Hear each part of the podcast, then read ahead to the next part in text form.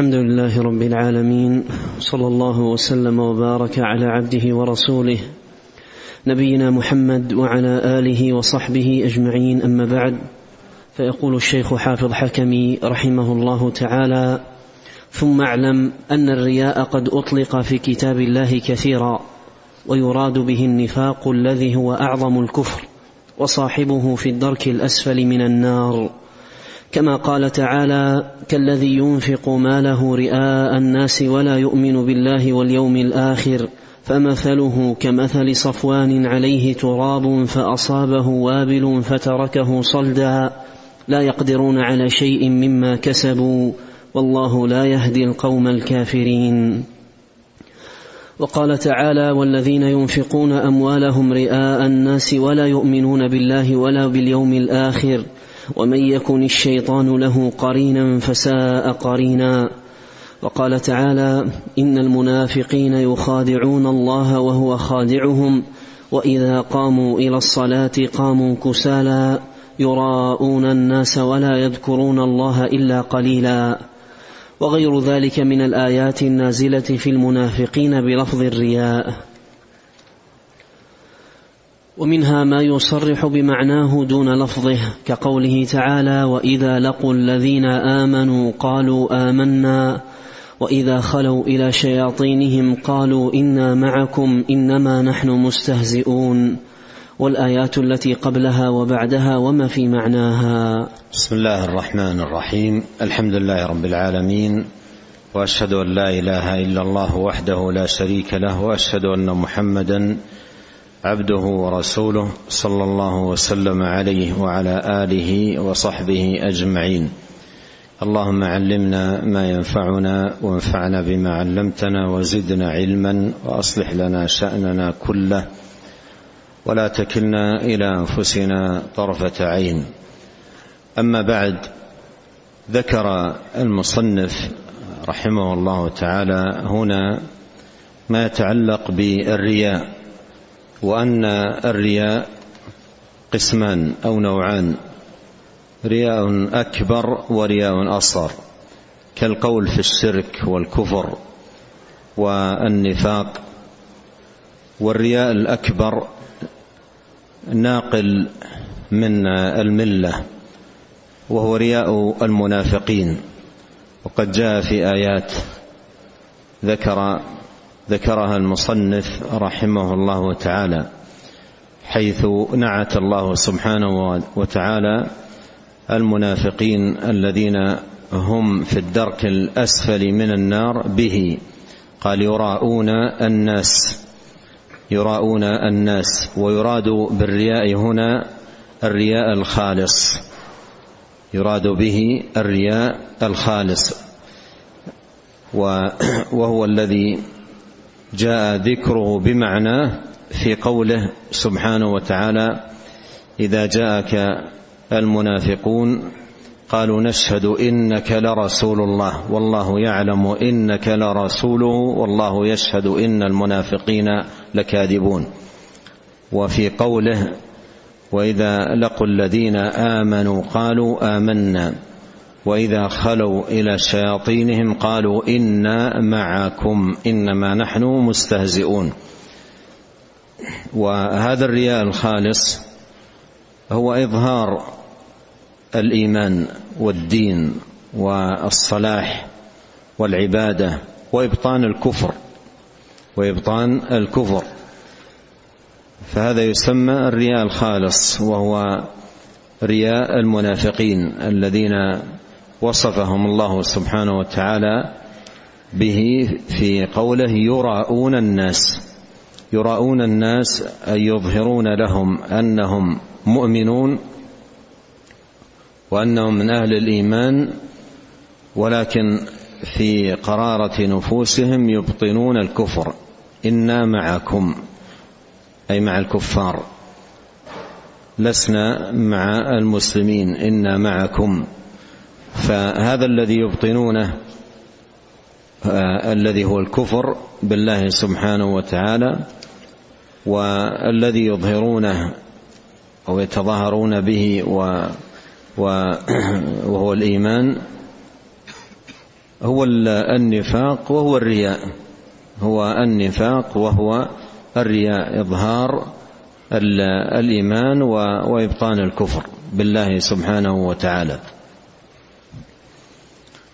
والنفاق والرياء الآخر يسير الرياء الذي هو من الشرك الأصغر.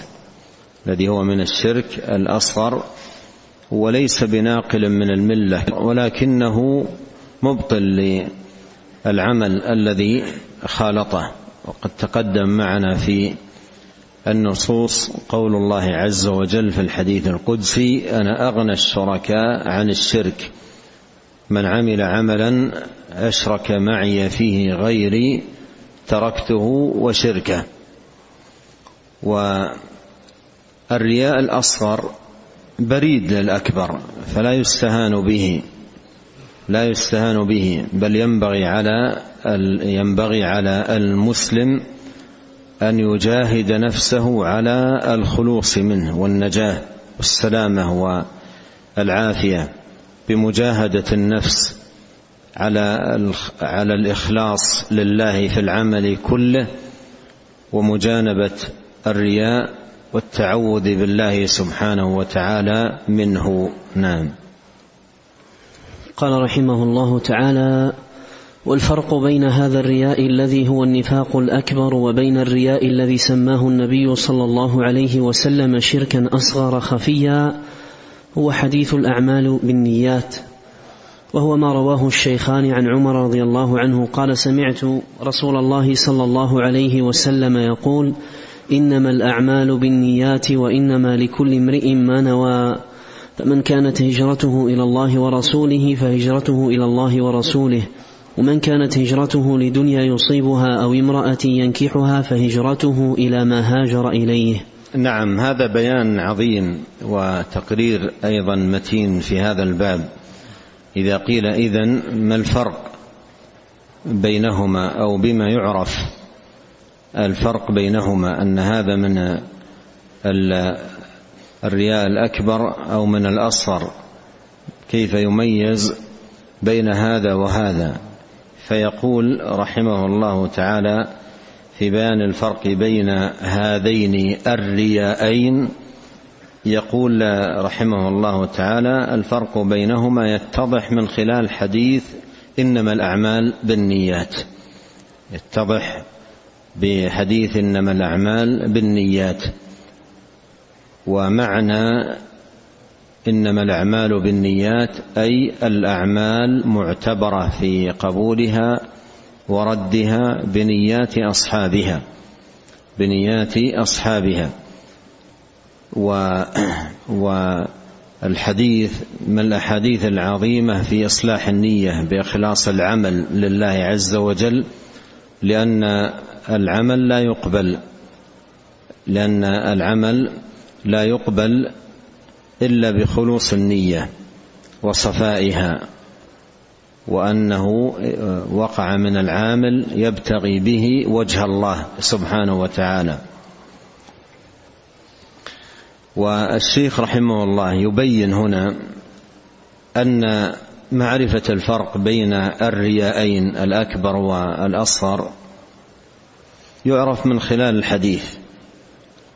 فمن كانت نيته أصلا في في قلبه لا لا, لا يوجد إيمان وإنما من نيته فقط التظاهر وإظهار الإيمان ولا يوجد في قلبه أصلا الإيمان فهذا الأكبر. هذا الأكبر. وأما إذا كان الإيمان في القلب قائما وثابتا ولكنه خالطته آه هذه النية خالطت الإيمان. هذه النية تزيين العمل من أجل رؤية الناس أو من أجل الناس أو من أجل محمدة الناس أو نحو ذلك. فهذا الرياء الأصغر لأن صاحبه مؤمن.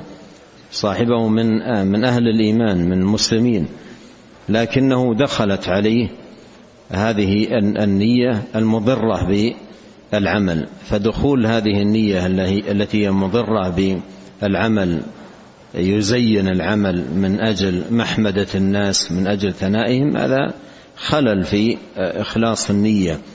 هذا خلل في إخلاص النية. فيؤثر على العمل من حيث قبوله فإن الله لا يقبل من العمل آه، إلا الخالص لكنه لا يبطل الدين كله.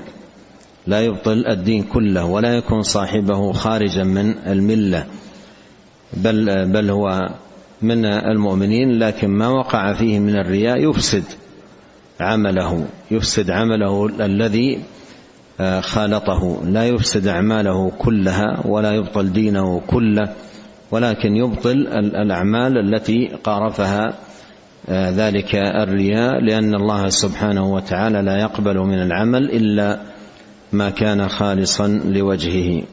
ويأتي توضيح من الشيخ رحمه الله تعالى لهذا نعم.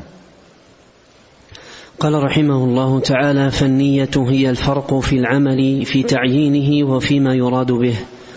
وقد أطلقت النية في القرآن بلفظ الابتغاء وبلفظ الإرادة. في تعيين العمل وفيما يراد به العمل. الآن مثلا صلاة الظهر نفلها وفرضها.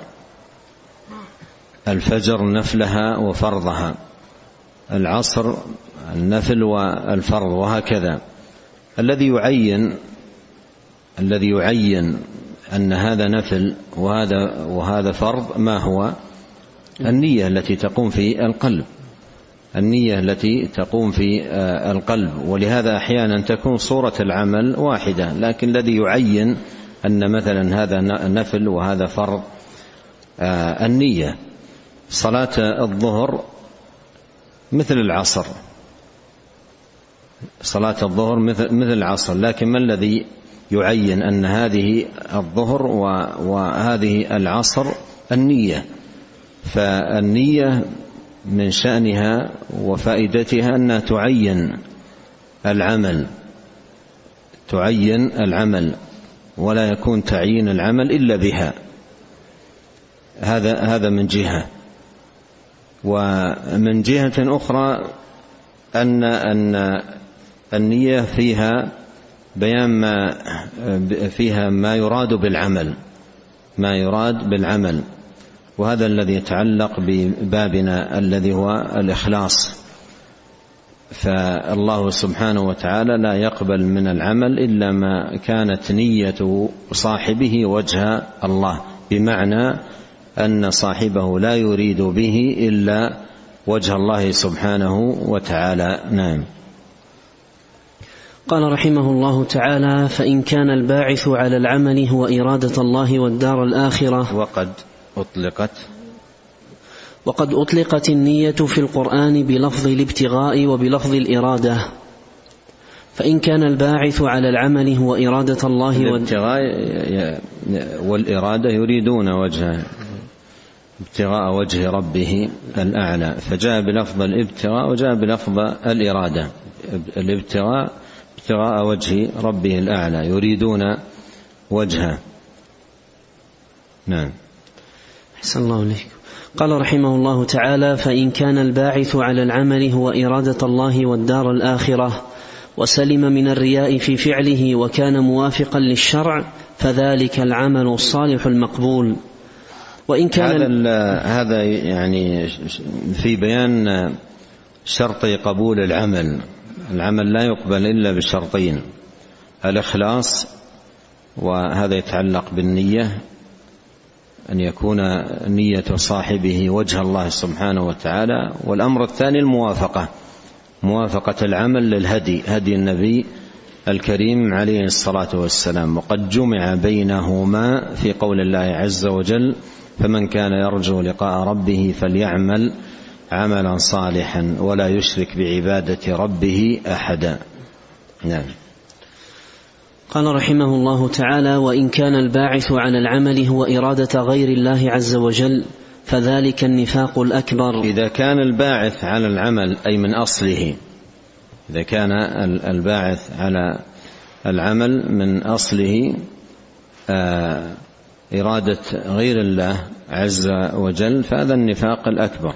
فالنفاق الأكبر ليس في قلب صاحبه إيمان ولا إرادة للدار الآخرة ولا طلب لثواب الله ولا قام في نيته في قلبه نية من هذا القبيل أصلا. وإنما أظهر أشياء من أمور الإيمان لأغراض دنيوية ومقاصد آنية. إما مثلا طلب رئاسة أو طلب شيء من هذا القبيل أو أيضا طلب سلامة من القتل أو نحو ذلك. نعم. قال رحمه الله تعالى سواء في ذلك من يريد به جاها ورئاسة وطلب الدنيا ومن يريد حقن دمه وعصمة ماله وغير ذلك. فهذان ضدان ينافي أحدهما الآخر لا محالة. نعم ضدان يعني الإيمان والنفاق.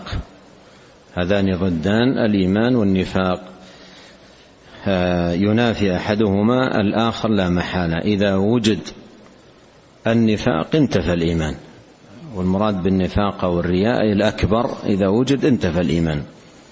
لا يوجد إيمان مع الرياء الأكبر والنفاق الأكبر. نعم. قال الله عز وجل ومن يرد ثواب الدنيا نؤته منها ومن يرد ثواب الآخرة نؤته منها. وقال تعالى من كان يريد العاجلة عجلنا له فيها ما نشاء لمن نريد ثم جعلنا له جهنم يصلاها مذموما مدحورا ومن أراد الآخرة وسعى لها سعيها وهو مؤمن فأولئك كان سعيهم مشكورا. وقال تعالى من كان يريد الحياة الدنيا وزينتها نوفي إليهم أعمالهم فيها وهم فيها لا يبخسون. أولئك الذين ليس لهم في الآخرة إلا النار وحبط ما صنعوا فيها وباطل ما كانوا يعملون.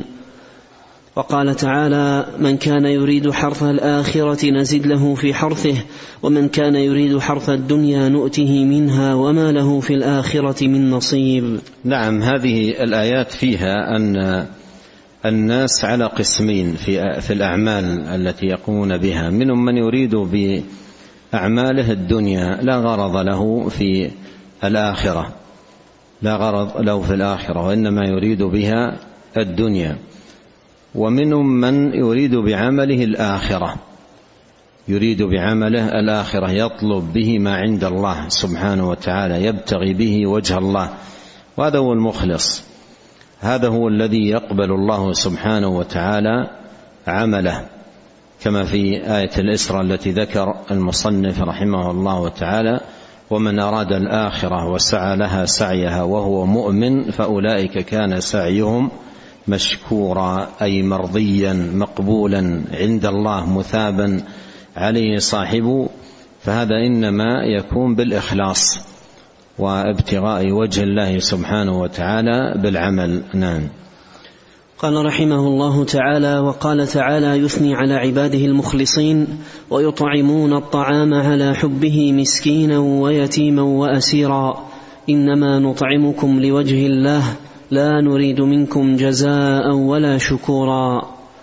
وقال تعالى إلا ابتغاء وجه ربه الأعلى وغير ذلك من الآيات. نعم. وإن كان الباعث على العمل هو إرادة الله عز وجل والدار الآخرة ولكن دخل عليه الرياء في تزيينه وتحسينه فذلك هو الذي سماه النبي صلى الله عليه وسلم الشرك الأصغر. نعم يعني لم يكن الرياء والنفاق أصل في القلب وإنما طارئ طارئ على بعض العمل. نعم طارئ على بعض العمل. فهذا الذي سماه النبي عليه الصلاة والسلام الشرك الأصغر. ولهذا ينبغي أن يعلم أن الفرق بين الرياءين الأكبر والأصغر أن الأكبر شرك أكبر ناقل من الملة كفر أكبر ناقل من الملة.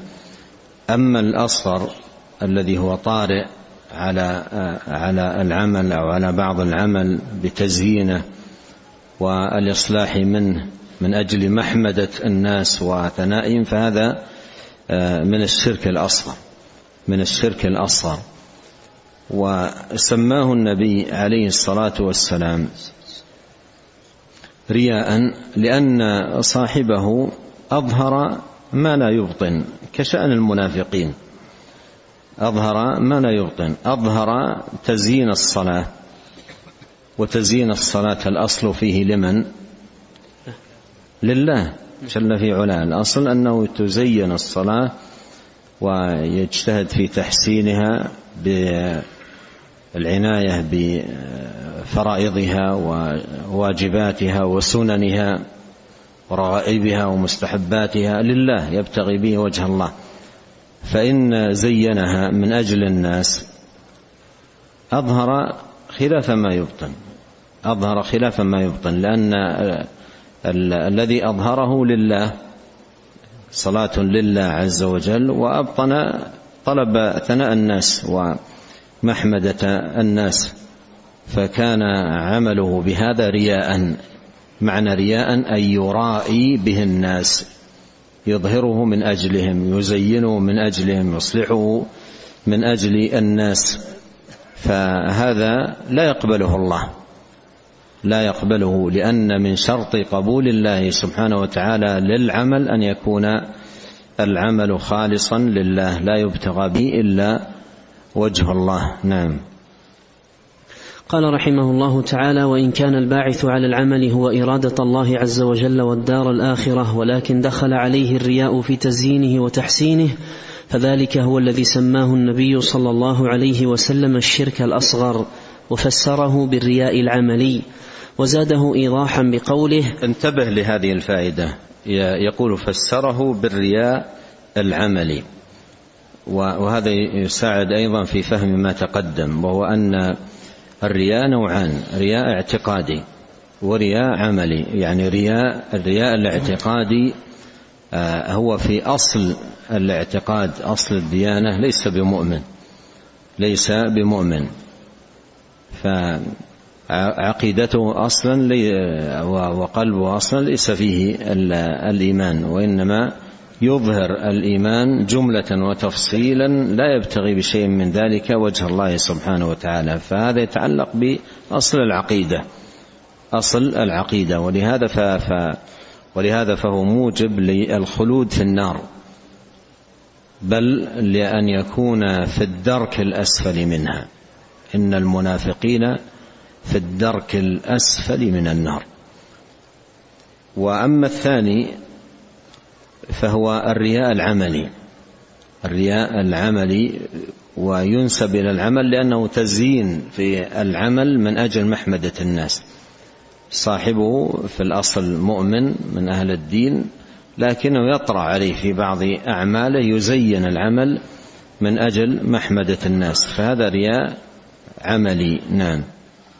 قال رحمه الله تعالى وفسره بالرياء العملي وزاده ايضاحا بقوله يقوم الرجل فيصلي فيزين صلاته لما يرى من نظر رجل إليه.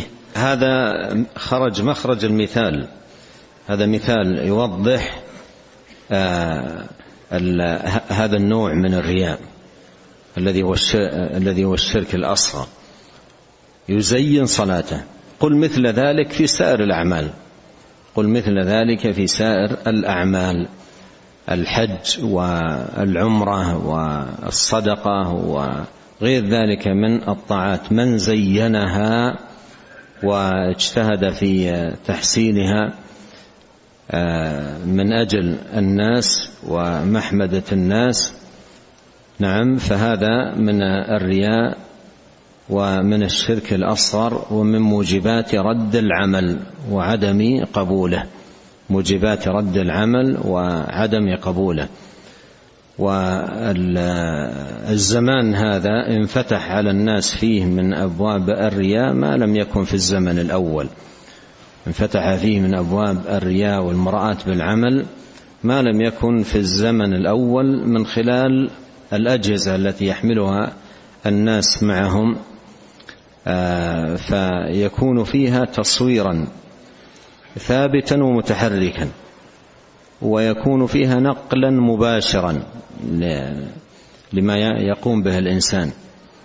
فأصبح بعض الناس دخل عليه منها الرياء من هذه الأجهزة. يأتي إلى المشاعر وأماكن الطاعات ويصور عمله ويرسله للناس ليروه. ويشاهدوه وهو يطوف وهو يسعى وهو يدعو. حتى إن بعض الناس بالغ في في في هذا الباب باب المراءة أن يقف عند بعض الأماكن المعظمة ويمد يديه على هيئة الداعي لله عز وجل ثم تلتقط له الصورة وإذا التقطت خفض يديه. ولم يدعو الله أصلا وإنما رفع يديه للصورة لا لله سبحانه وتعالى. نسأل الله عز وجل العفو والمعافاة وأن يهدي ضال المسلمين وأن يرده إلى الحق ردا جميلا. نعم. أمين. قال رحمه الله تعالى وهذا لا يخرج من الملة ولكنه ينقص من العمل بقدره وقد يغلب على العمل فيحبطه كله والعياذ بالله. نعم. انظر هذا التفصيل يعني لكنه ينقص من العمل بقدره وقد يغلب على العمل فيحبطه كله. يعني مثلا الحج. قد تكون بعض هذه الأعمال تنقص من ثواب الحج. إذا كانت يسيرة في جانب من من من جوانب الأعمال لكن إذا غلب رد عليه عمله كله ولم يقبله الله سبحانه وتعالى منه. نعم. قال رحمه الله تعالى اللهم اجعل أعمالنا كلها صالحة واجعلها لوجهك خالصة ولا تجعل لأحد فيها شيئا. هذه الدعوة تؤثر عن عمر بن الخطاب رضي الله عنه وهي دعوة عظيمة جمعت بين سؤال الله سبحانه وتعالى التوفيق لتحقيق شرطي قبول العمل الإخلاص والمتابعة.